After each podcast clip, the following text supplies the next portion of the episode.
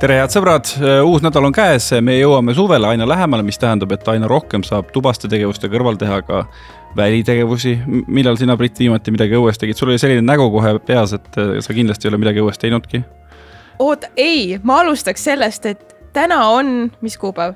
täna on neljas mai. ja okay. kui me salvestame. ja täna on neljas mai, kui me salvestame. täna oli hommikul null kraadi õues. Tallinnas Palun... oli pluss üks ma, ma olen ka Tallinnas, Taavi aga mina tulin tööle niimoodi, et minu ja, käed ja. olid jääs. palun ütle mulle, mis väliseid tegevusi ma tegema peaksin?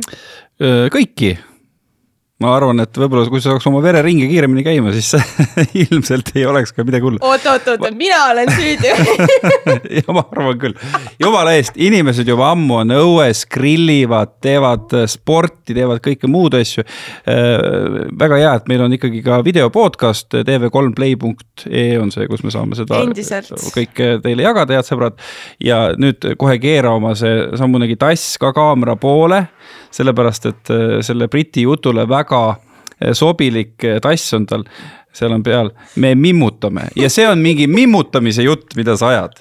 jumala eest, meil on täna selline külaline, kes, kes sellisest mimmutamisest ilmselt ei näe undki, sellepärast et tema täna hommikul, kui väljas oli Tallinnas pluss üks, oli kuskil jõe peal äkki. tere, Marek. tere hommikust. olid täna jõe peal või? täna veel ei olnud, aga homme hommikul lähen, ülehomme hommikul. aga mis siis saab, kui on pluss üks, kas sa siis? Siis on jumala käsi? hea, siis ei ole ju, ei lähe jäässe midagi, et miinus kaheksaga on ka väga tore sõita jõe peale, aerutada ringi paadiga. ja pärast tuled ära ja siis on sellised mõnusad jääpuurikad, mida sa saad vaikselt siit ära murda ja kui janu on, vesi on otsas, saad natuke lutsutada, eks ju mul tulevad nagu külmavärinad, kui ma kuulan seda, oota, kas me su nime ütlesime või? ma ütlesin Marek, jah ja.. okei okay., Marek Lindmaa ja tere. tervist, tervist, rõõm tutvuda kuule, me oleme ikkagi kutsunud sind külla sellepärast, et, et äh, mina ja sina oleme suhteliselt äh, samaealised ja mina natukene olen nagu aru saanud, et hakkab keskeakriis tulema, aga sul on ikka sellise pauguga kohe kohale jõudnud. et sa oled äh, sukeldunud keskealiste spordimaailma, sul seda lükrat ei ole, et sa ratast ei sõida, aga, aga kanuu sul küll on, jah süst, kanuu süst. ja kajak, süst, need on kaks täiesti erinevat asja. mul on süst, ma lihtsalt mõtlesin alguses, kõik sai alguse ühest aerust, et hea küll, ma ostan ühe aeru endale. nüüd mul on aer, nüüd mul on seal põlled, nüüd mul on süst hiljuti ostetud. et see tuleb nagu hiilivalt ligi kõik see asi ja kui sa viitasid keskea kriisile. no võib-olla on, kes seda teab, et võib-olla on see keskea kriis, teistpidi jälle ma ütlen see, et, et vaata, keskea kriis siis hakkavad mehed justkui ostma endale igast autosid ja lahtise katusega autosid, mootorrattaid ja tegema igasuguseid hullusi. ma ei nimetaks seda keskea kriisiks, ma ei põgene selle keskea kriisi eest, vaid ma ütleks selle kohta see, et sa lihtsalt jõuad oma elus sinna etappi, kus sul on võimalus teha neid asju, mida sa tahad teha, ilma et sa peaksid muretsema seda, et kas sa järgmisel kuul endale süüa saad osta. sa oled alati tahtnud endale süsta ei ole tahtnud, ma olen tahtnud alati endale seiklusi ja see süst viib mind seikluste poole, mehed tahavad alati seigelda, avastada, rännata, leida uusi kohti, uusi maid, jõuda kuhugi, riskides oma eluga, pannes oma elu kaalule. vot see on selline kuidagi avastamise rõõm, tahad näha midagi, mida keegi teine pole väga palju kogenud, midagi saada midagi sellist, mida väga paljud inimesed eh, võib-olla unistavad, aga ei julge seda täita, et see ongi see asi, mis sind ajab tegutsema no me jõuame selle, selle suvise väga suure seikluse juurde õige pea, aga, aga lähme siis alguse juurde.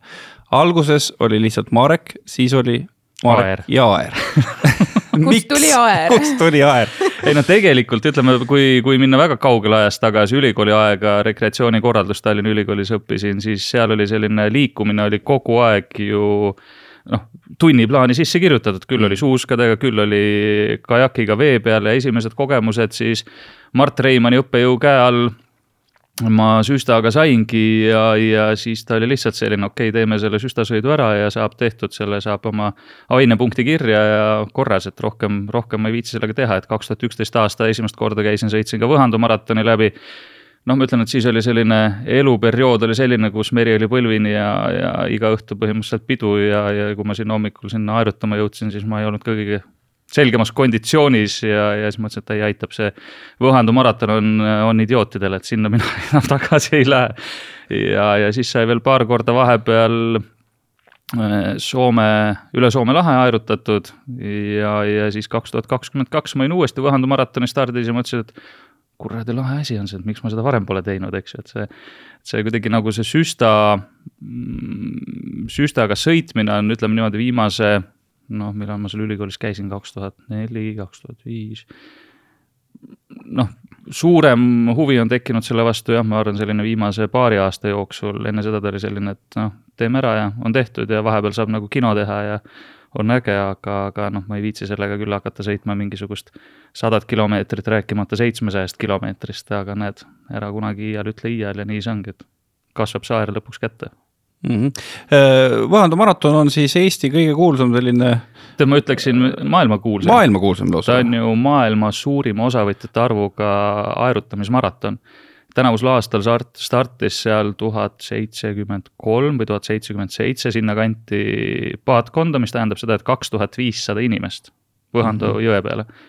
ja osavõtjate arvu poolest maailma suurim maraton. ja see on sada kilomeetrit pikk ainult sada jah, seekord selles mõttes me tegime vastuvoolu selle eelmisel päeval läbi ja siis tulime võistluspäeval, magasime neli tundi ja siis tulime koos teistega allavoolu tagasi.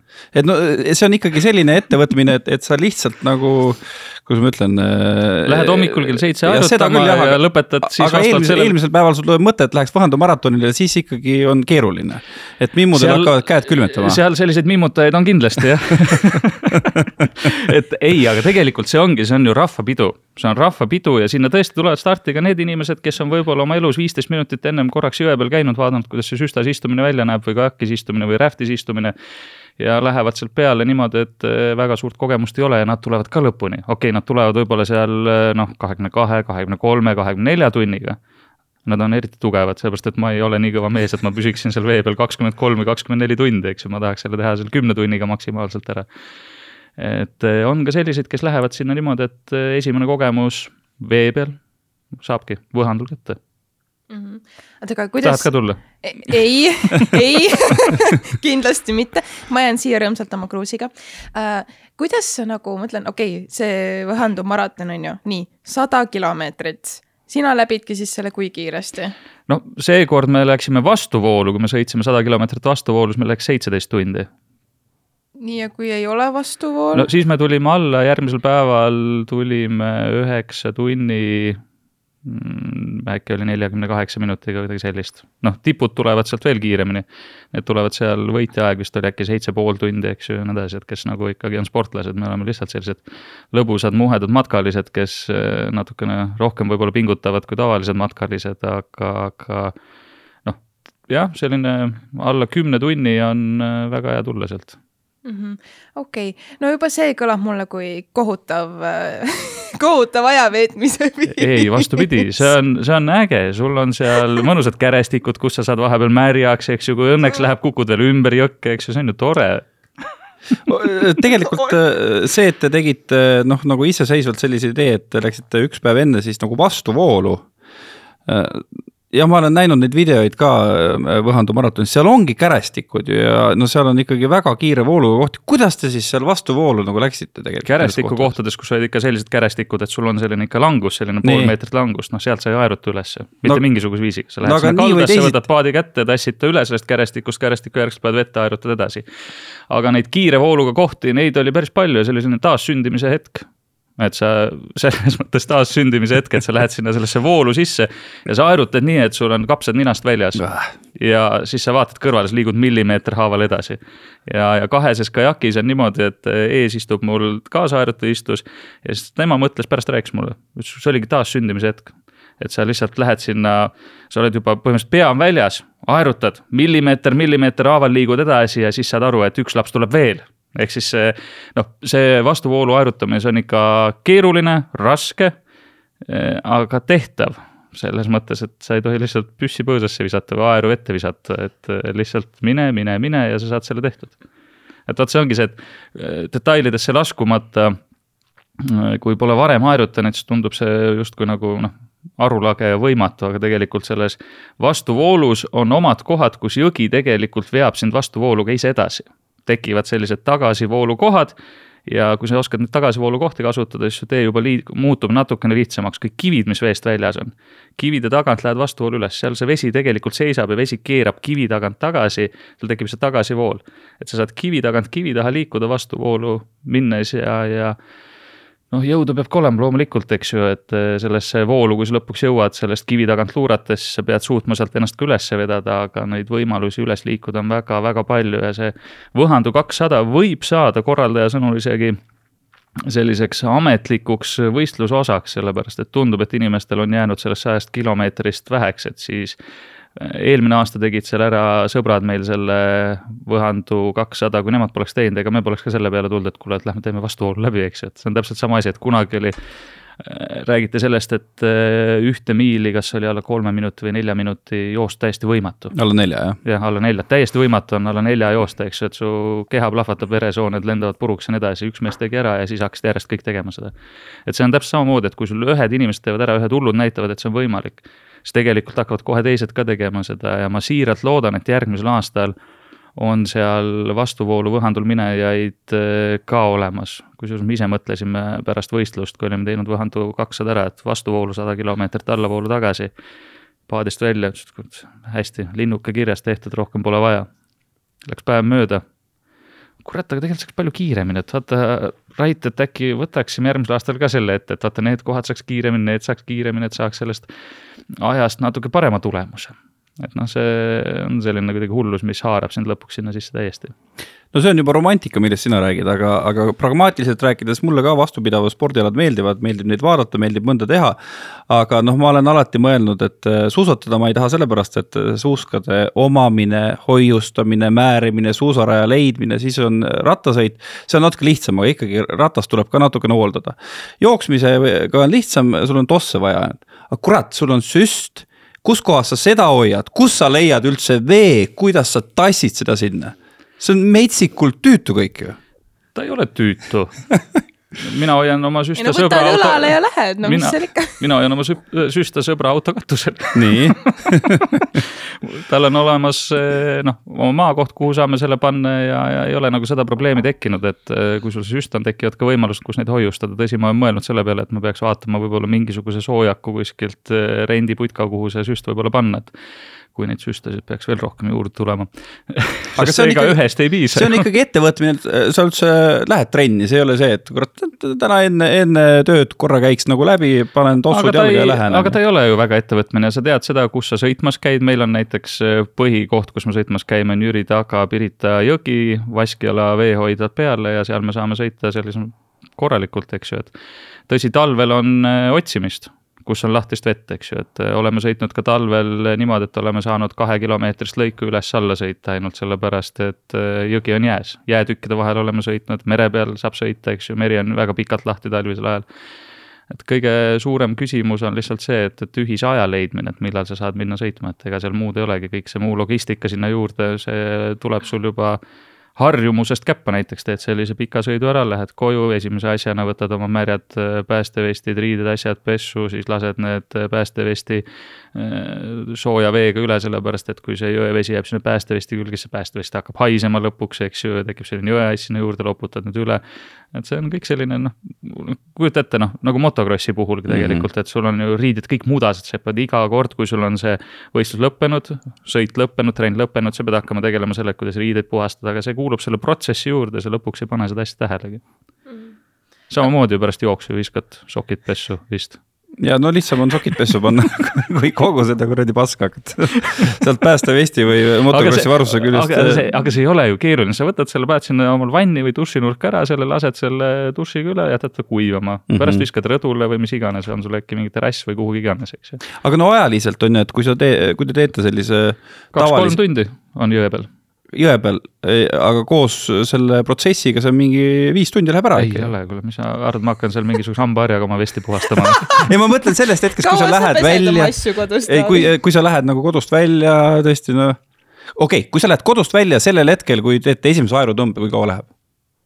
noh, kui te lähete tavakohta. ütleme niimoodi, et kui me läheksime, lähme kell kuus hommikul sõitma näiteks, siis ma ärkan äh, viis viisteist ülesse ma olen viis kolmkümmend viis koduuksest väljas ja kuskil niimoodi viis viiskümmend viis vee ääres, paat maha, kuus null viis oleme vee peal. noh, ärkamisest vee peal olemiseni väga kaua ei lähe, asjad on ju käe-jala juures. ja mis kell sa koju jõuad siis? no siis äh, oleneb pikalt teeme, kui kuus hommikul teeme, siis noh, teine inimene, teine mees peab kella kaheksaks tööle minema, siis teeme poole kaheksani, tema tõmbab otse tööle. mina tulen koju vastavalt sellele, kas mul on midagi teha või ei ole midagi teha, võib-olla magan paar tunnikest ja siis teen hommikukohvi ja hakkan oma toimetustega pihta. siis hakkab nagu teine argipäev. ja siis hakkab teine argipäev, siis on tööd tegemised juba ees ootamas ja aga noh, tahes-tahtmata viimased kaks aastat äh, elad ja hingad selle nimel, et saaks võimalikult kiiresti vee peale tagasi ja, ja valmistuma nendeks hullusteks no oota, aga kas mitu korda nädalas te teete seda üldse? Äh, me proovime teha niimoodi, noh tegelikult eks paljuski seda treeningkava dikteerin mina oma plaanidega, sest meil on, mul on üle nädala äh, hoian mina last, eks, et äh, mul on kava paika pannud niimoodi, et me jagame last lapse emaga viiskümmend, viiskümmend, eks ju, et, et siis ongi, et nädal ja nädal ja sellel nädalal, kui ma lapsega olen, siis me nii palju trenni teha ei saa, kui, kui nendel nädalatel, kus mul last ei ole. ja siis me üle nädala teeme, sest sellel nädalal me oleme nüüd teinud juba kolm trenni, nüüd tuleb neljas, viis trenni vee peal tuleb sellel nädalal. viis trenni nädalas? no seda on, tegelikult võiks rohkem olla arvestades seda, kuhu me minemas oleme, siis me peaksime justkui iga kord silmad lahti tehes aeru kätte võtma, vee peal olema, magama jäädes aeru käest panema, et no kas ma mõtlengi, et, et kui sa teed äh, viis korda nädalas äh, mitu tundi trenni, siis sul on veel ju töökohustused siin TV3-e majas. kus, kust see energia tuleb? kust need tunnid tulevad? vaata, kui sulle midagi nii väga meeldib, sa suudad selle kuidagi funktsioneerima panna, et ehm, noh, suudad suudad neid asju teha, ajatada kuidagi, et kõik on, kõik on ju tegelikult võimalik, et olgem ausad, eks ma siit TV3 majast äh, uudiste poole pealt olen ka endal koormust äh, vähemaks võtnud võrreldes varasemate aastatega, et hetkel äh, ma uudistes enam reporteri tööd ei tee, ma teen ainult saatejuhtimise tööd, et selles mõttes sealt on tekkinud seda aega juurde, aga mida ma siis tegelikult paljuski kasutan ära erinevate teiste projektide tegemiseks, sest et ega see, et ma nüüd siit ennast nii-öelda reporteri osast veidikene eemale tõmbasin, ei tähenda seda, et ma siis jalad seina peal vaatan aknast välja või ainult aerutan sel ajal, et, et siis olen leidnud muud viisid, millega, millega rahakotti täita Nonii, räägi meile ka siis. ei, mis ikka, erinevad ju projektid, olgu selleks noh, sotid selgeks on loomulikult ka asi, millega teeme, toimetame, enda projektid imikuga metsas, mida sai ju ise juba teist aastat järjest siin ju äh, oma, oma produktsioonifirma kaudu tehtud ja, ja on ju tegelikult äh, terve turg väljaspool televisioonimaastikku ka ju äh, olemas, kõik tahavad endale klippe, koolitusi kaamerakoolitusi, reklaamklippe, et noh, kõikide nende asjadega ju on ju võimalik tegeleda, et kui sul on tehnika, varustus, oskused, asjad olemas, siis äh, tõsta ainult käsi ette ütled tervist, et teil on vaja ühte videoklippi, ma teen teile aga lisaks sellele, okei okay,, et sa tõmbasid siin TV3-s veidi nagu töökohustusi nii-öelda vähemaks, koormust vähemaks.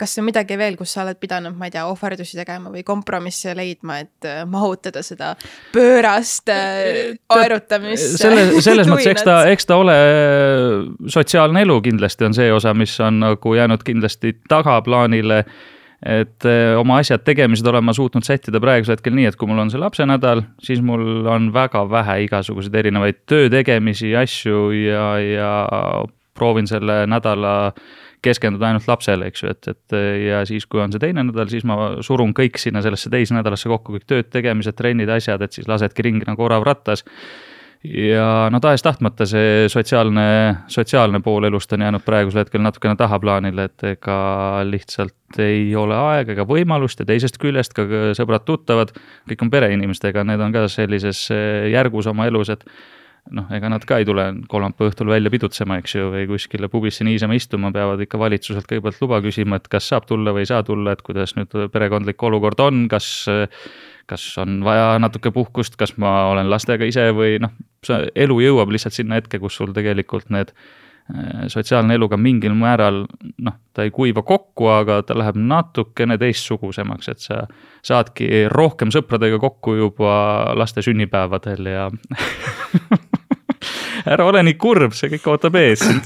No, oo oled... ei küll ootab, aga äh, sotsiaalmeedias sa oled ise ka ju tegelikult äh, päris palju jaganud seda, et, et sa oma tütrega nagu, te elate üksteise tegemistele väga toredasti kaasa, et mida tema arvab sellest, et isa aerutab ja, ja aerutab ja, ja nagu jääbki aerutama, et. no see nelja poole aastane või noh, tegelikult nüüd ta on juba rohkem kui neli pool ja ise ta ütleb enda kohta, et ta on kolmveerand viiene yeah., kolmveerand viis. tema esimest korda, kui me eelmine aasta läksime seda Kanadasse tegema seitsmesaja viieteistkümne kilomeetri pikkust maratoni, siis tema elab sellel niimoodi kaasa, et ta küsis mu käest lihtsalt ühel õhtul, et aga issi, et millal ma saan sinuga koos sinna sõitma tulla, sinna Kanadasse seitsesadat kilomeetrit, ma ütlesin, et noh, sa pead minimaalselt kuusteist olema, et sul läheb veel natukene aega, et, et siis ükskord kunagi lähme teeme ära, et. ei, ta elab sellele väga kaasa, et ta noh, on ka pannud kodus näiteks ühed diivanipadjad maha piklikult, võtnud ühe mänguasja nii-öelda mingi toru endale kätte, discgolfi korvi, selline väike discgolfi korv ja seal on see toru, mis hoiab seda korvi üleval kunagi mängisin hästi palju discgolfi ka, sellepärast ma lapsele selle ka ostsin, et saaks ise ka loopida et siis ta võttis selle toru kätte, istus nende pattide peale ja ütles, ma nüüd ka aerutan näiteks ja hakkas aerutama, eks, et elab sellele ikkagi väga-väga kaasa. no sõudmised on ju sellised aerutamine. Äh, ma tahtsingi rääkida sõudmisest, et sõudmises on ju sellised paadiklassid, kus äh, pisikesed saab panna roolima. Äh, aerutamises ei ole ühtegi sellist asja, et saaks nagu roolima panna tead, ehm, noh, iseenesest on, on hästi suured eh, pikad ka sellised kanuud olemas, Voyagerid ja, ja seal on tegelikult ja Draakon paadid, kus on ka seal taga olemas nii-öelda tüürija, kes on, et iseenesest saab, et kindlasti on ka seal selliste pikkade paatide puhul need igasugused trummilööjad, eks ju, et noh.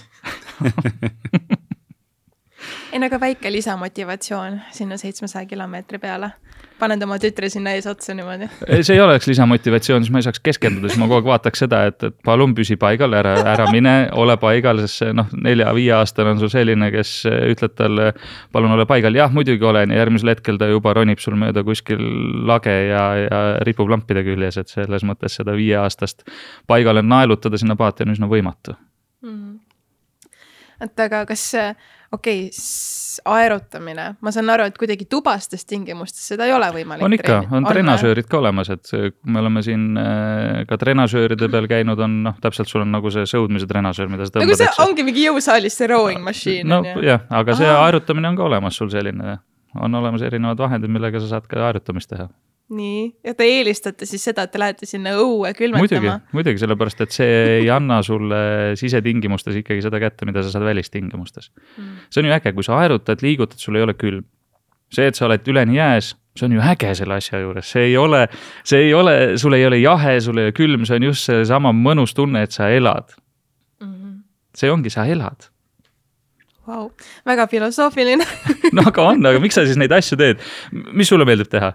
Jõusaalis käia. noh, miks sa käid seal? no sest mulle meeldib. no vot, vastus on olemas. jaa, aga mul ei ole ka külm seal no. mul on hea, mõnus, soe äh,, tubane tingimus, tuul ei puhu. ma näen ilus välja, noh, kõik jutud. noh, aga vee peal näed ka ilus välja oi, ma kahtlen sulle sa solvad Marek? ei, mina ei näeks seal ilus välja, mina ei näeks. aa, okei okay,, noh, jah meestel on niikuinii savi, vaata. aga no, ma räägin endast praegu. jah, ei, vot ma ei oska praegu ette kujutada seda palun ära kujuta ka et mida siis täpsemalt? ei, ma ei oska ette kujutada Britti kuskil. Äh, jääpurikat. jah, aga kui me, kui me tõesti tuleme siis äh, selle juurde, kus sa oled käinud ja kuhu sa lähed tagasi. Äh, see distants käis läbi seitsesada viiskümmend kilomeetrit, räägi natukene no, või no, loo pilt, et mis, mis seal siis sind ootab, esiteks, mis see jõgi endast kujutab, mis see loodus seal on?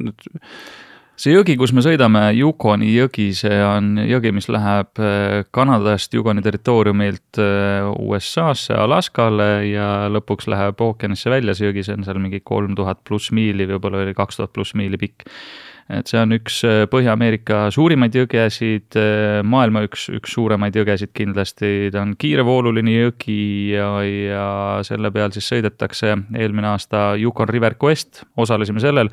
see on seitsmesaja kilomeetrine, seitsmesaja viieteist kilomeetri pikkune võistlus, mis läheb siis Yukoni territooriumi pealinnast Whitehorse'ist Dawson City'sse Äh, see on selline vana kullapalaviku rada, et seal tuhat kaheksasada üheksakümmend kaheksa ja nii edasi, kõik see Klondike'i kullapalavik, kõik see, et see on sellel, sellel territooriumil äh, aset leidnud kõik need äh, Valge kihva raamatud ja, ja, ja noh, kogu see maailma suurim kullapalavik sellel territooriumil aset leidis, et tänasel päeval sealt on võimalik ka kulda leida ja otsitakse kulda päris palju veel. et sõidetakse see seitsmesaja viieteistkümne kilomeetrine võistlus, igal aastal toimub see, see on üks selline maailma raskemaid võistlusi, kus eh, noh, me eelmisel aastal läbisime selle seitsesada viisteist kilomeetrit puhassõiduaega viiekümne tunniga. et eh, esimene ots oli jõe peal kuskil kakskümmend kolm tundi järjest, kui aerutasime, et jõuda siis sellesse kohustuslikku kohta, kus sa pead maha tulema ja puhkama paar tundi. Et eh, siis oli eelmine aasta seal vesi üle ootuste kõrge. Öeldi, et äh, mõelge kaks korda, kolm korda, kas te tahate sinna peale minna, sellepärast et kui vesi on kõrge, siis kui Eestis vesi on kõrge, siis tähendab seda, et saab igalt poolt lõigata, kõik, kõik äh, kurvid on, saab sirgeks lõigata ja nii edasi, seal on natuke teine asi, et seal on äh, maja suurused kännud ujuvad ringi, eks ju, sul tekivad sellised log jam'id, kuhu sisse sõites, noh, kõik need palgid, asjad, siis sa krutid ennast sinna alla, vool pressib peale, sealt sa välja ei saa ohtusid on palju. kallast näed üldse, kui sa seal keskel oled? aga sa ei saa kaldale minna, sellepärast et kui vesi on sul äh, niivõrd kõrge, siis põhimõtteliselt see koht, kus sa peaksid kaldale minema, on puuotsad ainult sul väljas, et sa näed, kuidas puuladvad käivad ainult selle koha peal, sa hakka sealt otsima kohta ja üsna, üsna nagu keeruline, et noh, tegemist on hästi suure jõega, kus äh, liigub nii-öelda see elusoon kõikide inimeste jaoks, kes seal kaldal elavad, mööda seda noh, ütleme selline suur veresoon, kus siis veri liigub südamesse, eks ju, kohalike inimeste jaoks. ja sellise väga suure ajalooga ja traditsioonidega jõgi iseenesest ja ürgne loodus, sellepärast et sul seal, sellel territooriumil väga tihti teist inimest sa ei näe et kui see Jugoni territoorium, mis ta oli äkki, kas ta oli noh, kolm, kolme Rootsi äkki suurune või ma võin praegu puusse panna, aga ta on üsna suur territoorium, selle territooriumi peal elab seal nelikümmend neli, nelikümmend viis tuhat inimest, kellest kakskümmend kaheksa tuhat elab selles pealinnas Whitehorse'is. Ja ülejäänud on kõik selle territooriumi peale laiali jaotatud. ja näiteks põtru, hunte, karusid on kümme korda rohkem kui inimesi iseenesest seal, et kui sa seal, no see on täiesti selline metsik eh, loodus, et kui sa sinna lähed, sa oledki justkui teisel planeedil, et sul noh, telefonilevi on ainult asustatud kohtades, on linnasid, kus eh, tuleb lihtsalt kaabliga, kuskilt tuleb internet sisse ja ongi kõik, eks ju, et sellist eh, mobiililevi interneti osas ei ole, et see ongi täiesti asustamata koht, looduse mõttes ürgne loodus, karusid, kui sa sinna lähed, näed, kindlasti näed. Eh, ma olen kaks korda seal käinud, ühe korra sõitmas käinud ja mõlemad korrad, kui ma olen seal kaks nädalat viibinud, ma olen näinud mõlemal korral kolme karu ja eelmisel korral me jäime kahe karu vahele ka seltskonnaga lõksu, et oli ühel pool paarisaja meetri kaugusel oli krislikaru ja siis oli saja meetri kaugusel oli mustkaru. Ja siis me seal seisime ja meil oli, see oli üks selline äh, turismi, turismiettevõte, kes tegi igasuguseid lende lennukiga, et me lendasime selliste asustamatesse kohtadesse. ja siis sattusimegi nii-öelda lennuki poole tagasi minnes kahe karu vahele ja siis me seal seisime. ja siis ma mõtlesin, et okei okay,, et kuhu ma siis lähen, et kas ma lähen lennuki peale ja olen nagu kala kuskil konservikarbis ja ootan, kui mind lahti siit kangutatakse või, või mis siis edasi saab. Aga olukord lahenes üsna, üsna hästi, et mõlemad karud tegelesid oma asjadega, üks sõi oma võililli ja, ja ei teinud meist väljagi ja siis teine jalutas ka kuskil minema, et me olime tegelikult ise rohkem ehmunud, kui asi seda väärt oli ausalt öeldes, et et nende karudega kohtumine noh, kohalikud seal ütlevad niimoodi, et nendega on asi lihtne. kui sa karu näed, ütled karuga, sina lähed sinnapoole, mina lähen sinnapoole ja nii lihtne ongi või siis äh, tapad ära ja paned naha selga nagu Leonardo DiCaprio. jah, selle tapmisega on ka selline asi, et ega tead, äh, noh, mul on lihtsalt küsimus, et kui ma seal nüüd sellel korral, kui me lähme, me jõuame sellest ka rääkida, kuhu täpsemalt me lähme mm, -hmm. aga mhm. kui nagu selle telgi ukse lahti teed ja karu, karu otsa vaatab, et noh, kas viskab lusikatäie püksi või ei viska, eks ju kuule, aga, aga tõesti, kui äh, eelmisel aastal sa hakkasid minema, kui oli enne see hoiatus ka antud, et äh, isegi selle Yukoni tingimuste kohta on erakordselt äh, keeruline see kõik oli sul selline mõte ka mingil hetkel, no persse, miks ma siia tulin? seda mõtet ei olnud, kui ma juba sinna jõud-, jõudnud olin, siis noh, siis enam ju polnud mõtet taganeda, et oli juba välja ka lubatud, et lähen ja teen seda, et siis mis ma nüüd kohapeal ütlen, kuulge, õlu maitseb paremini, et ma ikkagi. elu maitseb paremini, mitte õlu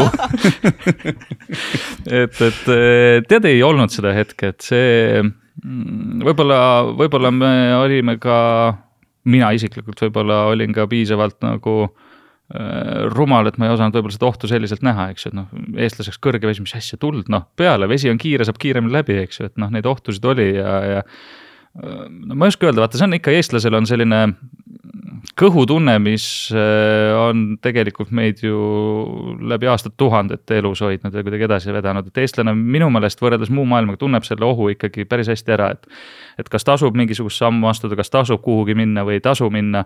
ja mul ei tekkinud kordagi seda kõhutunnet, et kuule, et nüüd on nagu kõik, et pärast seda saab, saab pika laua taga istuda ja meenutada, eks ju, et seda tunnet ei tekkinud mul kordagi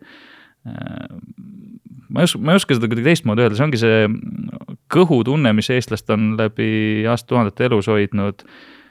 kas astuda samm vasakule, astuda samm paremale, teha õige otsus, minu jaoks ei tundunud see kunagi eelmisel aastal, et tegemist on mingi vale otsusega, et me sinna peale lähme no aga sinu partner äh, on ju tunduvalt kogenum, kas tema, kasvõi pärast seda, kui teil oli see retk tehtud, ei öelnud sulle, et kuule, sina oled siin jah, rumal äh, rookie, aga tegelikult ikkagi oli väga ohtlik vahepeal. no tegelikult äh, jah, ei seda ikka öelda, pärast räägiti, et oli jah, ikka tegelikult oli ohtlik, et kui mõelda selle peale, et äh, oleks pidanud kuskilt välja minema, pääsemist ootama või mis iganes, et siis ei oleks olnud ka seda kohta, kus reaalselt oleks saanud veest välja minna, sellepärast et see vool oli lihtsalt nii kiire.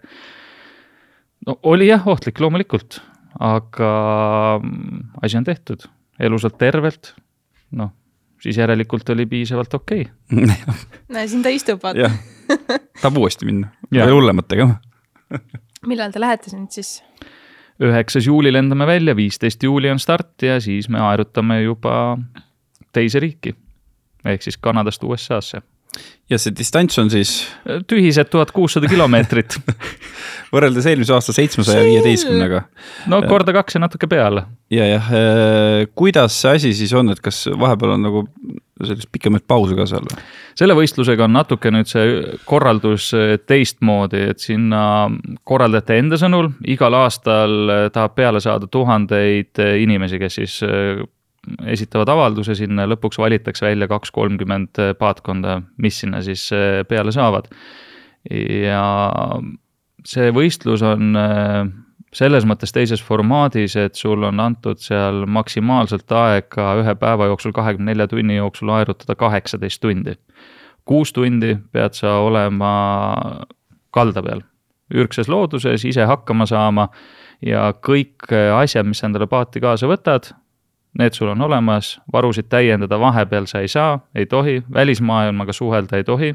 kui eelmine aasta oli olukord selline, et me saime Äh, suhelda välismaailmaga, me saime oma varusid täiendada, vett võtta juurde, süüa võtta juurde, kuivi riideid võtta juurde, siis nüüd on täiesti see, mis sa endale kaasa võtad, sellega sa pead ellu jääma ja sellega pead sa sinna tuhande kuuesaja kilomeetri lõppu jõudma. kui karu sul vahepeal äh, toidud ära sööb, sel ajal kui sa kuue tunni jooksul telgis ööbid, magad, siis noh, kehv lugu, katkesta. aga kuidas sa siis nagu katkestad, et see ei ole sul justkui Võhandu maraton, et iga nurga tagant tuleb sul mingisugune inimene vastu ja kuskilt saad auto peale, et katkestamine tähendab seda, et sa võid selle võistluse katkestada. aga sa pead jõudma ikkagi lõpuks kuskile asustatud kohta, et sa saaksid eh, tsivilisatsiooni ja saaksid eh, tagasi, tagasi nii-öelda oma normaalse elu juurde, et see katkestamine tähendabki seda, et sa istu paadi peale ja lihtsalt kulge mööda voolu alla ja vaata, kus siis lõpuks eh, mingisugune mingisugune majake vastu tuleb ja vaata, kas seal on inimesi, kelle kaudu sa saad siis noh, kuidagi edasi liikuda, et äh, korraldajate sõnul on ka selline paberi peal kirja pandud, et jah, abi võib sinuni jõuda kaheksa kuni kahekümne nelja tunniga. reaalsuses on see, et sa pead hakkama saama seal looduses kolmkümmend kuus tundi ja kas ka siis sinuni näiteks mingi helikopter või lennuk jõuab, ei ole kindel, sellepärast et noh, sellega ei ole võimalik kuskile ka maanduda, et sa peaksid saama ikkagi endale selle pildi sellest eh, tuhande kuuesajast kilomeetrist nii palju ette teha, kaardid läbi töötama, et sa tead, kus on näiteks järgmine mingisugune lennuväli, mingisugune asustatud koht. sõidame näiteks mööda ka sellisest kohast nagu, kui olete vaadanud Elu allpool nulli. see on üks Andy selle kodust me sõidame ka mööda, et äkki me isegi kiikame sinna sisse, kui ta meil just relvatoru vastu nägu ei suru, eks ju, et et, et eh, neid asustatud kohti seal on, aga need vahemaad võivad olla asustatud kohtade vahel kolmsada, nelisada, viissada kilomeetrit. et ühesõnaga see, mis sa endale paati võtad, toidud, riided, see sul on olemas on ja, ja kui sealt miskilt ära kaob, siis pead hakkama saama, ilma et sa oma varusid täiendada saad, sest see, ega see, see eh, noh sul ei ole võimalik, sul, sinuni ei ole võimalik ka neid tegelikult toimetada ja tuua, eks ju, et, et sul pole isegi mobiililevi, et kuidas sa siis nagu märku annad, et kuule, et, et tere sõber, et äkki sa viitsid viska mulle paar Tacticali juurde nüüd, eks ju, või too mulle kolm liitrit vett või Red Bulli või Coca-Colat, eks ju, et et eh, selles mõttes on see võistlus erinev, et kuus tundi, kahekümne neljas pead sa olema maa peal, asustamata kohas, kontakti kellegagi sisuliselt astuda ei tohi, sul polegi seal, ainult on sul sääsed, põdrad, karud, hundid, väiksed närilised. ja kui sul see kuus tundi saab täis, jõgi läheb lukku, iga õhtu oli seal vist äkki kell üksteist, kakskümmend kolm null null läheb jõgi lukku, siis sa pead olema maas, olema märku andnud selle ühe sellise saatja kaudu, kus siis track itakse sind, kus sa oled, sellega sa saa väljapoole ise nii-öelda sõnumeid saata ei saa. ja selle järgi vaadates, kus sa oled, siis sa pead iga õhtu, kui sa maa peal lähed, märku andma nupuvajutusega, eks ju, et nüüd sa oled maa peal.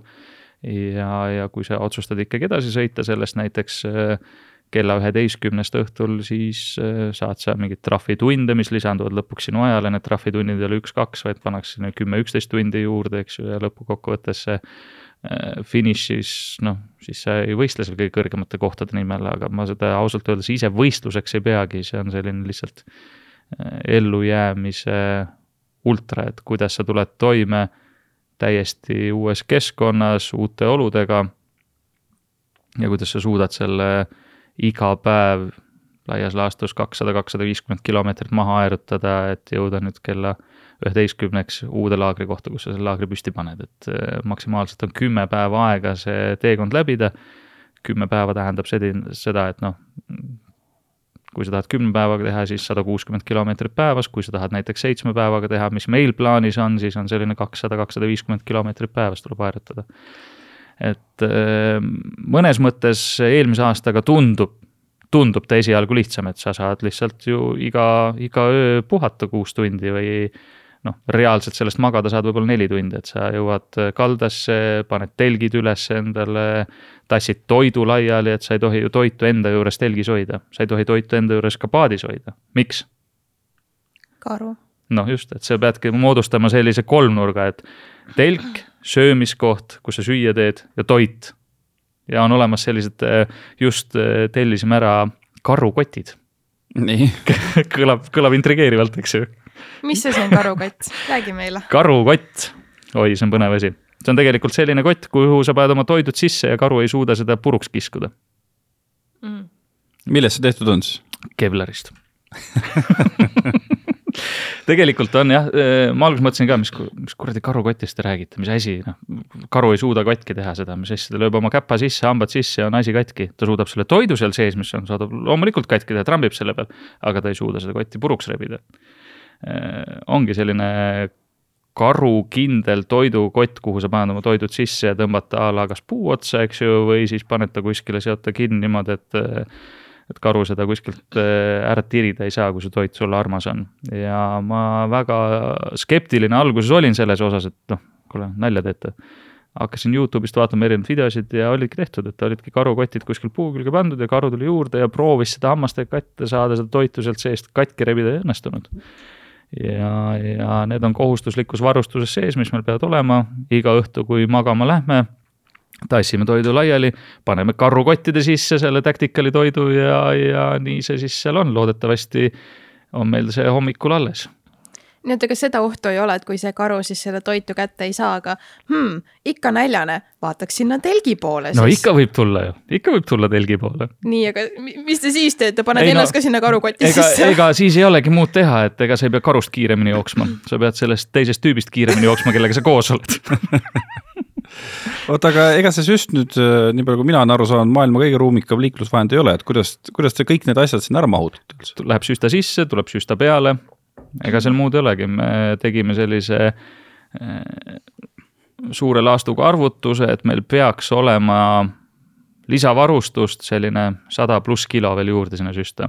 et noh, on ju süstas need kuivad kambrid olemas mm, -hmm. on ees, taga, kuhu sa mahutad seda tavaari endale ära ja, ja kuna me juba selliseks kümneks, kuni kümneks päevaks läheme, siis meil peab ka olema süsta peale paigutatud igasuguseid asju, et et noh, tuleb leida see viis, kuidas need kõik asjad sinna lõpuks ära mahuvad, et ma väga ei muretse selle pärast, et asju on alati rohkem, mida sa tahad kaasa võtta. noh, siis hakkadki lõpuks vaatama, et mida sa siis välja jätad, et kas sul on nüüd, kas sul on nüüd vaja noh, neid kolme paari aluspükse või, või nelja paari särke, eks ju, et siis hakkadki juba kom-, kombineerima seda, et mida sa võtad, mida sa jätad, et et see, kuidas me need asjad ära mahutame, see selgub ju tegelikult paljuski koha peal, et me võime ju siin Eestis ju selles osas ka trenni teha, panna need paika, aga lõpuks, kui me sinna koha peale jõuame, kuidas me toidud ära mahutame, mis me juurde ostame, palju me vett saame, eks ju, kaasa võtta. et paljuski ju see vee transportimine on ka mõttetu. Sa võtad võib-olla ainult selle nii-öelda camelbag'i endale selja peale ja, ja kus on paar liitrit vett sees ja lähed ülejäänud vesi sa filtreerid juba jõest, võtad selle välja, puhastad seda jõevett, et seda niisama topsi sinna vette sisse panna ei saa ja juua ei saa, sellepärast et siis sa saad lihtsalt endale mingisuguse bakterikõhtu, kes hakkab seal oma elu elama ja keerab sul kraanid tagantpoolt lahti, eks ju, ja ongi kogu võistlus sul puu all no kui sa juba selline, selleni jõudsid, kuidas siis keha kergendamine käib? oi, väga lihtsalt, sul on vaja lihtsalt ühte pudelit võimalikult laia suuga aga kui on number kaks, siis on veel laiem suu. no vaata äh, number kahe, number ühe puhul on äh, noh, tegelikult on väga lihtne. ongi see, et, et äh, noh, seal võib tekkida olukord tegelikult selline, et, et jah, saab paadis selle tehtud ja pole mingit küsimustki, eks ju, et sa võtad selle a la Nesti pudeli, eks ju, ja teed sinna oma asja ära ja sõidad edasi, eks ju aga sul võib tekkida ka see olukord, kui sa oled seal juba paadis piisavalt kaua istunud, et no sa ei sa ei suuda seda teha, sellepärast et sul on kuskil lihtsalt mingi takistus ees, mis on nagu keha on ju kokku surutud, sa istud ju põhimõtteliselt täisnurga all. noh, ja siis proovi seal hakata seal number ühte tegema, et eh, võib juhtuda ka selline olukord, mis meil tegelikult eelmine aasta seal seitsmesaja kilomeetri peal juhtus, et eh, no proovid ja proovid, no ja ei tule. ja siis sa peadki minema kaldale, aga iga kaldale minek tähendab tegelikult väga palju ajalist kaotust. number kahe puhul Mm, eelmine kord mul selle viiekümne tunni jooksul sõidu ajal terve võistluse käigus tegelikult ei tekkinudki seda vajadust. sellepärast, et sa kõik, mis sa sisse sööd, sa kulutad selle tegelikult mitmekordselt ära. Äh, ma tean eestlased, kes äh, kunagi aasta-aastaid tagasi aerutasid Rootsi, Eestist Rootsi.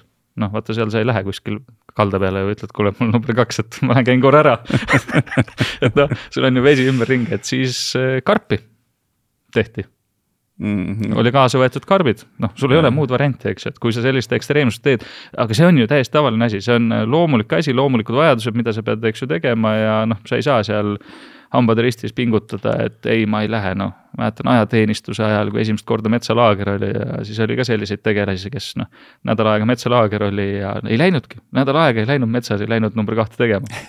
ja siis, kui nad lõpuks jõudsid sealt sillikastist välja, jõudsid kasarmusse Pole elu sees näinud, et keegi nii kiiresti jookseks WC poole ma mäletan seda, et äh, kuskil kümmekond aastat tagasi, kui oli vist üks esimesi äh, Tallinn-Tartu ratta GP-sid, siis ma kajastasin seda ja siis äh, vist Ülemiste hotelli mingi hommikusöögis või mingisugune halb asi. ja siis nagu nad sealt Sõjamaalt sõitsid viisteist kilomeetrit sõitsid ära ja siis kõik olid nagu teede ääres kraavis, püksid olid maas ja kõik pasandist transpordis.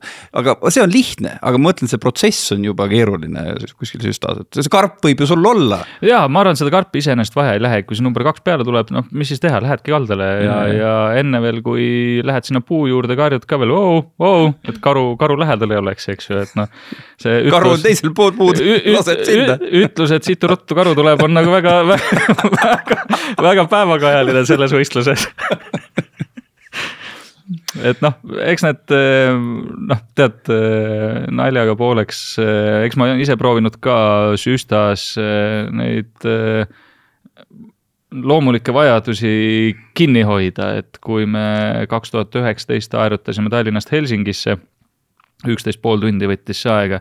siis ma ei, mis asja, ma ei hakka pudelist tegema, olen normaalne pärast, noh, tead, näh, sõidan ära ja Soome jõuan, et siis kergendan, eks ju. see oli võib-olla kümme kilomeetrit enne Soomet, noh, mul olid silmad täiesti pahupidi peas, eks ju, jalad olid koos ja noh, värisesid ja igimullid otsa ees, ma mõtlesin, et ei, kus see pudel nüüd on. noh, ja vaata, kui sa pikalt nagu kinni hoiad mm. -hmm. ja siis hakkad nagu, mõtled, nüüd ma teen seda. noh hoia seda voolikut kinni, eks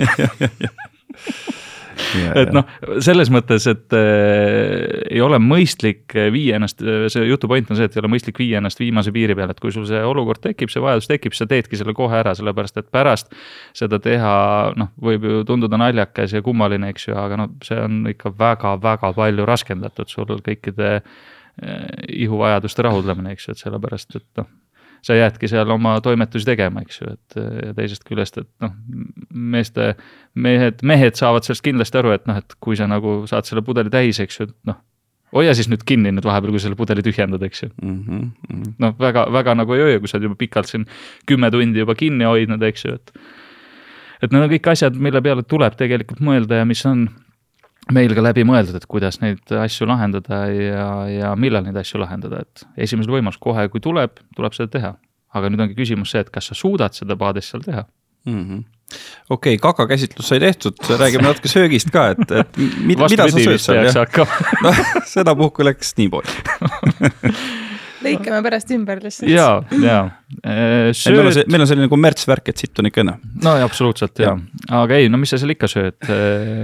meil on võetud tactical food pack'id, Eesti enda firma, mis toodab, eks ju, igasuguseid matkasööke, see on väga lihtne, ajad vee keema sealsamas paadis, kui sa sõidad, eks ju, on sul see priimus nii-öelda jalge vahel, tuli otsa, vesi keema, aerutad vahepeal edasi, vesi saab keetud, paned sinna sellesse tactical'i sisse ja sööd sedasamat.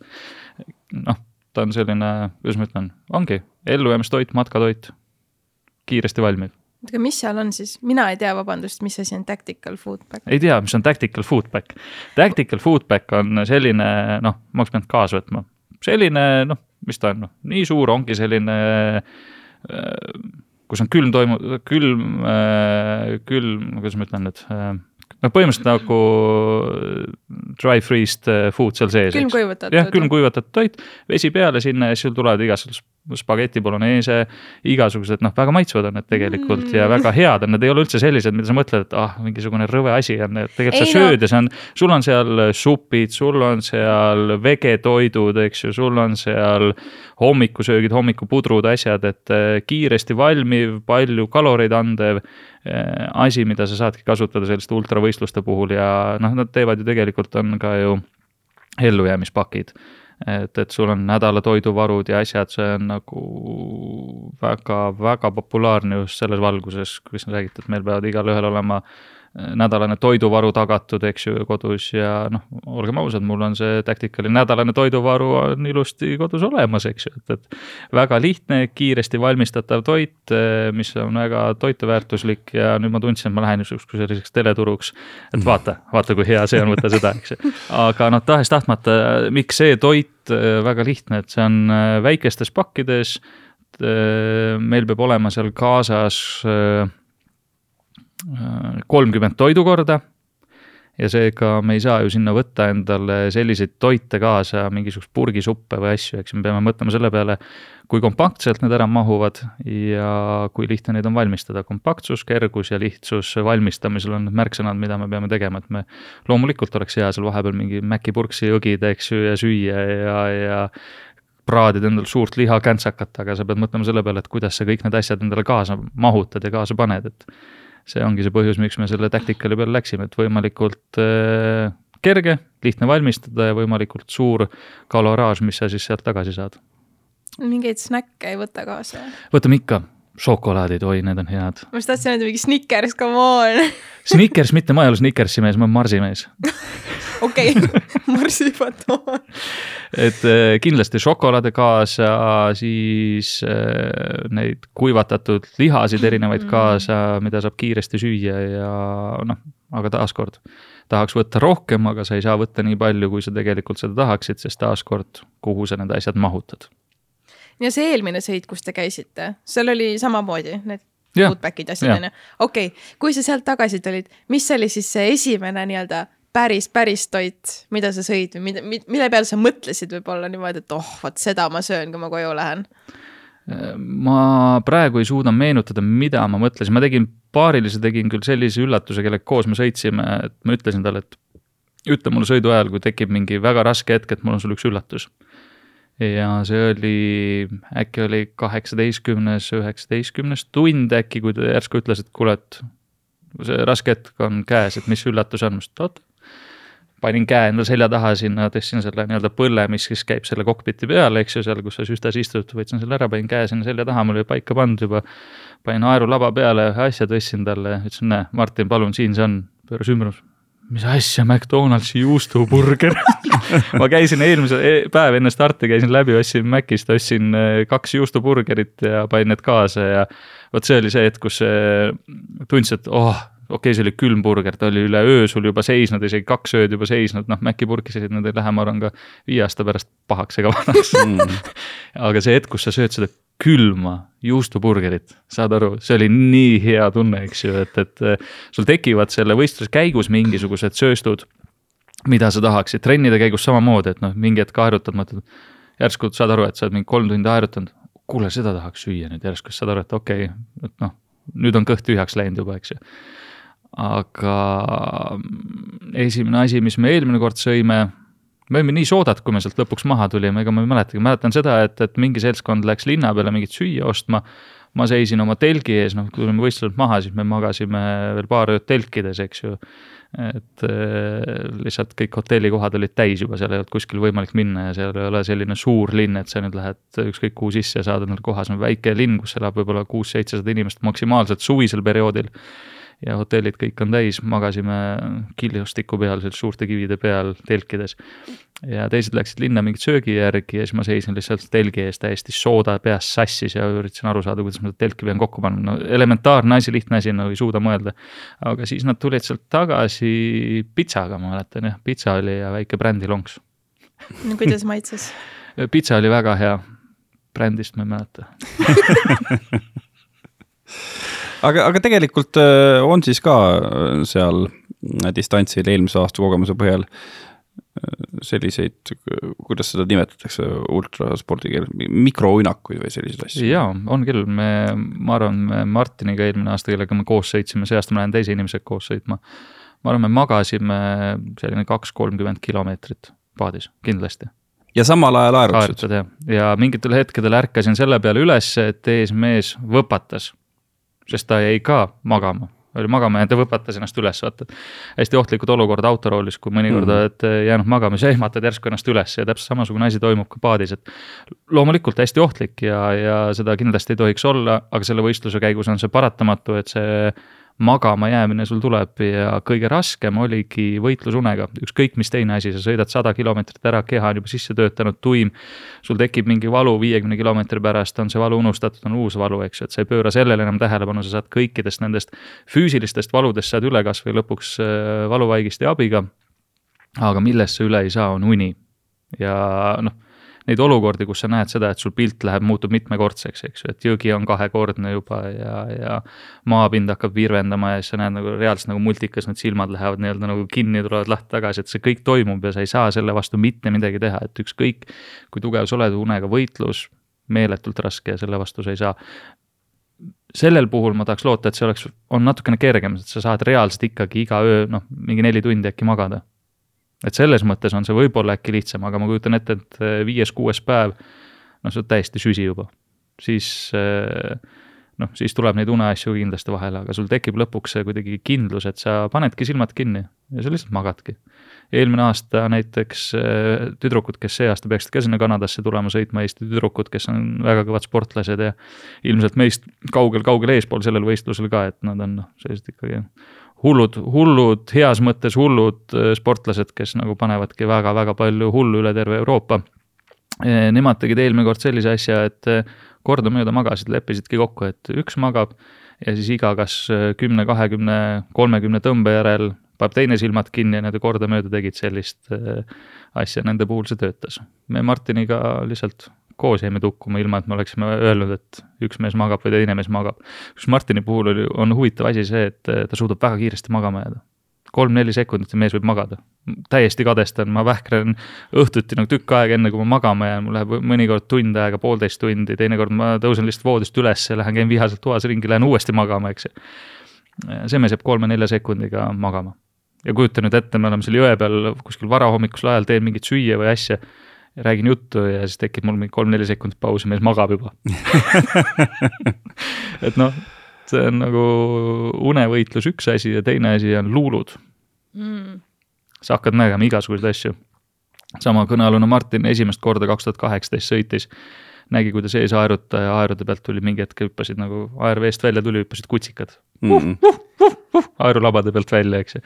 seekord me nägime Martiniga sõites äh, viimase paarisaja kilomeetriga oli tegemist ja siis me hakkasime järsku nägema, päike küttis pähe, jõhkralt palav oli, mäed, mäed on ümberringi ja sa hakkad mingi hetk nägema nende mägede pealt igasuguseid nägusid, kujutusi, sellepärast noh, seal on kaljunukid, asjad, mis hakkavad moodustama sulle siis erinevaid nägusid. küll ma nägin seal Liidia Koidulat, eks ju, seal ja, ja Martiniga mingi hetk me olime sellises luulude staadiumis, et me nägime mäge, mäe selga, mäe seljal täpselt ühesuguseid asju, ühesugused kujutused, mis on, kuule, näe, vaata, täpselt Liidia Koidul on saunas, ongi nii, täitsa metsas, vaata.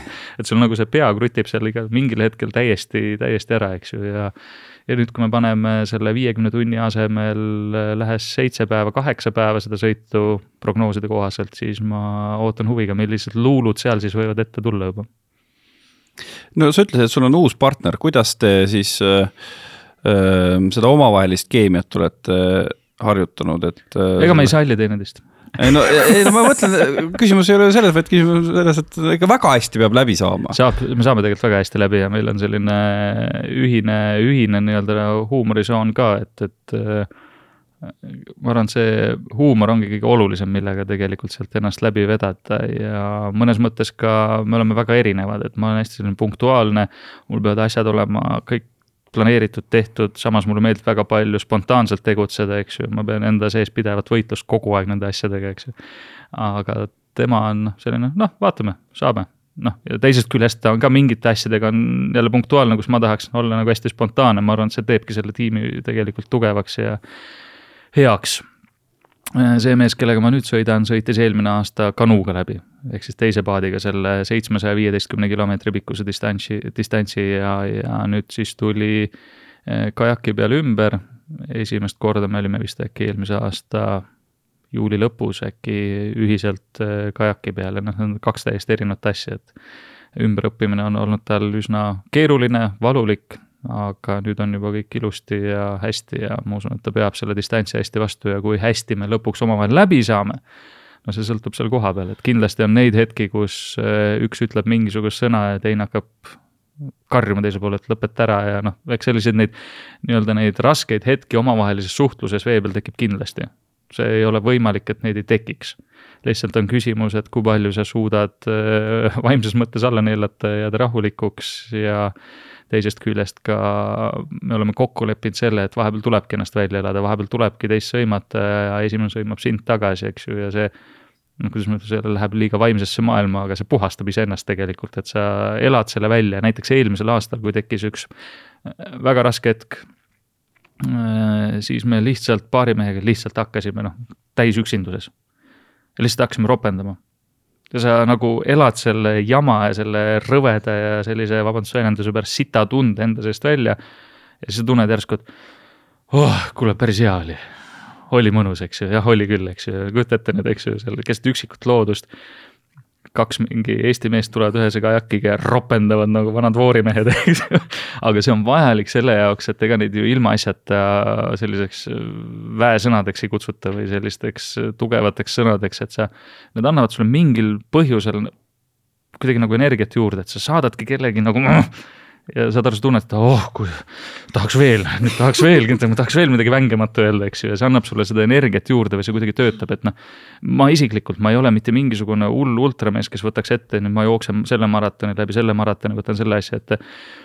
ma olen kogu selle protsessi käigus tahtnud iseendale tõestada, teistele tõestada, et kõik on tegelikult sul siinsamas peas kinni, et, et kui sa midagi tahad, selle jaoks vaeva näed, siis on see võimalik kuidas selle tegevuse käigus äh, suudad ennast motiveerida ellu jääda, see on ka samamoodi, sõltub ainult kõik siit, mis sul siin peas on, et äh, see on, ma arvan, kaheksakümmend protsenti vaimne pool, kakskümmend protsenti füüsiline pool. sellise pika distantsi, tuhande kuuesaja kilomeetri puhul kindlasti, et pane mind jooksma näiteks mingisugust maratoni, ma olen kahekümne kilomeetri pärast siruli maas ja surnud, eks ju, ja hoian kahe käega peast kinni, mõtlen, miks ma seda teen ja oksendan, eks ju, tagatipuks veel peale et eh, noh, need ei ole nagu või, või võtame kasvõi Võhandu maratoni, eks ju, seal on nii tugevaid aerutajaid ees, et ma, ma ei pretendeeri kunagi top kümme, top kakskümmend, top kolmekümne koha peale, eks ju. võib-olla top viiekümnesse kunagi välja sõidan, on väga hästi, eks ju, aga see on kuidagi teistmoodi, see on selline noh, seal ma panen vaikselt oma diiselmootori tööle ja tiksun selle asja lõpuni, eks ju ja omavaheline suhtlus sellega, kuidas teine suudab sind üleval hoida, edasi vedada, on ka äärmiselt oluline ja ma usun, et me oleme tänasel päeval Raidiga, kellega koos sinna sõitma lähme nüüd ühes kajak, üheses, kaheses kajakis, eh, saavutanud ka sellise teineteise mõistmise, et kui üks ütleb, et kuule, et ole nüüd vait, et ma tahangi keskenduda aerutamise peale, siis teine ongi vait. natukese aja pärast võib-olla küsib, aga kuidas sul nüüd on, aga nüüd et kui me sinna Võhandul seda sadat kilomeetrit ülesvoolu sõitsime, siis meil sai nagu see selgeks mõlemale, et, et okei okay on, et ei ole, ei ole nagu selliseid hetki, mis paneks mõtlema, et kurat, kas ikka sai õige valik tehtud, et Anu Lämb, Anu Lambi häälega, et õige valik, kas tuleb trepist alla või ei tule, eks. et, et selles osas ma usun, loodan, et me saame selle kenasti teineteisega hakkama ja pärast seda võistlust ka räägime, ütleme tere ka teineteisele ilmselt ja aga neid raskeid hetki seal vee peal kindlasti tuleb ette, et kus tahaks üle parda visata ja üksi edasi minna. nii, oota, aga siis su eelmine paariline, ma saan aru, et äh, läks, läksitegi nii raksu omavahel, et nüüd oled uue endale võtnud? ei läinud, see on lihtne arvata, aga tegelikult ei läinud. põhjus on hoopis, hoopis lihtsam. Äh, see taht-, meie tahtis kaasa tulla ka Võhandu maratoni korraldaja, kes sõitis selle Yukon River Questi seitsesada viisteist kilomeetrit läbi kaks tuhat kaheksateist aastal Martiniga koos ja eelmine aasta, kui me käisime seal, siis tema kaasa ei tulnud ja kui me rääkisime talle nüüd sellest Jugon tuhande plaanist, ta oli kohe, oh, ma tahan tulla. aga noh, inglise keelega on selline, et ta väga vabalt seda soravalt ei suuda seda rääkida, aga sellel võistlusel peab sul olema paadis inimene, kes oskab inglise keelt rääkida, et kui sul juhtub selline olukord, kus ongi häda vaja või ongi mingisugune hädaolukord käes ja sa pead abi kutsuma, et siis noh, seal tere, ma olen siin, eks ju, et äkki aitate, et eesti keeles seal väga ei toimi, et. et siis saigi see niimoodi ümber mängitud, et Martin läheb oma nii-öelda esimese Jugoni paarilisega koos sõitma ja ma tulen siis juba Raidiga. et tüli seal vahel õnneks või kahjuks ei ole oota, sa ütlesid, et mingisugune kolmkümmend paatkonda kuskil saab peale? jah, me ei tea, palju see aasta sinna peale lõpuks pääseb, eks ju, aga tõenäoliselt jah, selline kolm-nelikümmend paati. Eestist on juba mitu paati? Eestist on praegusel hetkel kolm paati on peal seal. mis kuradi värk siis sellega on, et need eestlased nii metsikud? vaata, me oleme, eestlased on sealkandis ennast kuidagi üllatavalt hästi tõestanud või üllatavalt hästi ennast näidanud, et kui meil oli eh, sinna nii-öelda võistlusele kandideerimine siis see korraldaja, kes seda teeb, üks britt on, kes seda kusjuures korraldab mm.. Sorry. tundsid ennast kohe puudutatuna, eks ju? nimega am, hello keegi britt on vähemalt tubli kuskil, nii et you go. ja eks jah, ühesõnaga jah, Suurbritanniast üks, üks tegelane, kes seda korraldab. ja, ja ja, ja, ja siis, kui meil oli see nii-öelda vestlus selle korraldajaga, lõpuks see videovestlus, et te olete sinna saanud, eks ju, siis selgus, et ta oli nii palju taustatööd teinud, küll ta oli küsinud sealtsamast Kanadast koha pealt, kelle käest me paate rendime, et mis inimestega tegemist oli. küll oli korra-, küsinud korraldajate käest, eks ju, et sellise hästi suure taustatöö teinud. ja siis me saimegi aru, et, et me oleme ikkagi eestlastena seal pärapõrgus teisel pool maailma jätnud ikka väga hea mulje et, et meid usaldatakse, öeldakse, et need on väga kõvad aerutajad, need väärivad seda kohta, et kindlasti võtke see peale. üks eh, hea näide eh, eestlaste kohta eelmisest aastast oli see, et, et eh, kui palju eestlased tähelepanu saime, said ja kui palju me saime tähelepanu kohaliku meedia poolt ja kohalike inimeste poolt. näiteks needsamad tüdrukud, kes olid, kõndisid võistluse järgselt selles Dawsoni linnas ringi, auto pealt auto pidas järsku kinni, ütles, oo, te olete need Eesti tüdrukud, te sõitsite sellise asja, vau, teeme pilti koos, eks ju noh. ja, ja teine asi siis veel äh, üks operaator, kes kaasas oli, kes oli, kes võistlustega oli seotud lihtsalt selle pealt, et ta oli kaldal ja filmis. Läks Dawsonis, läks poodi, võttis endale mingisugused asjad, tal oli see Estonian Jugon tiim äh, dress seljas. ja läks poodi, poemüüja vaatas seal kassas, ütles, ahah, Eestist, ahah, sõitsite seda Jugoni maratoni siin, eks ju, et võtan need tasuta, et ma ei küsi su käest raha, eks ju et noh, eestlased on suutnud kuidagi jätta seal äh, selle kahe aastaga, mis me oleme käinud, väga hea mulje ja, ja sinna võistlusele peale saamine, kui sa küsisid, et, et noh, et miks kolm Eesti alust. noh, järelikult me oleme teinud midagi õigesti, olnud head kultuurisaadikud nii Eestile kui ka käitunud õigesti selle koha peal, suutnud oma tegevusega näidata seda, et meid tasub sinna kutsuda no äh, tund on kiiresti läinud, me oleme köögipoole äh, osas saanud päris palju ja hirmsa, hirmsat teada, aga räägime kõige hirmsamast asjast ka, et sa kogusid ju raha ka Hooandis selle projekti jaoks, kui palju see pull siis maksma läheb? see on äh, väärikas summa, mis läheb maksma, eks eelarve meil laias laastus on kogu selle ettevõtmisele noh, viiskümmend tuhat eurot see on siis mitme inimese peale? see on kuue inimese peale, et eh, noh, neli on eh, võistlejad ja kaks on selline toetustiim, kes tulevad ka kaasa, sest eh, noh, tuleb ju vahepeal sõita autoga ka sinna finišisse, mis on ju teises riigis, eks, ja, ja eks me teeme seal ju tõenäoliselt ka kajastust kõigest sellest, mis, mis seal siis nagu toimub, et seda saatemeeskonda on nii või naa viisil või teisel vaja, eks ju, kes meiega küll kokku puutuda ei tohi aga jah, see eelarve on selles mõttes suur, et esialgu, kui selle otsa vaatasime, siis lõi endal ka ikkagi lõua laksuga vastu põrandat ja mõtlesime, et kas see tõesti on teostatav, aga täna me oleme sellises seisus, et äh, jah, me lähme sinna peale, me saame sinna peale, meil on enam-vähem rahastus olemas.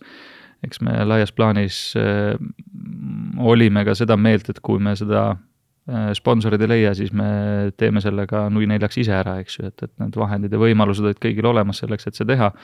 aga, aga noh, mida rohkem toetajaid sellele heale asjale taha tuleb, seda suurem see, suurem see tänu kindlasti on ja seda toredam on ka seda võistlust teha, et sa noh, see võib-olla kõlab banaalselt, aga kui sa tunned, et keegi on selja taga, sul noh, tahes-tahtmata selles aerus on natuke rohkem jõudu, võib-olla see on ka kohustus, et näed, sulle on antud see nii-öelda raha, eks ju, seda asja läbimiseks ja nüüd sa jätad pooleli, ei, see ei ole võimalik, kuidas ma, kuidas ma toetajatele silma vaatan ja hooandjate puhul ka sada kolmkümmend neli inimest hooandjast tuli meile selja taha, andis seda hoogu juurde, et kraaps ja kummardus kõigile, et see see, mis te tegite, see on märkimisväärne, ma ausalt öeldes ise ei uskunud, et me sellise summa sealt üldse kätte võiksime saada. palju te saite?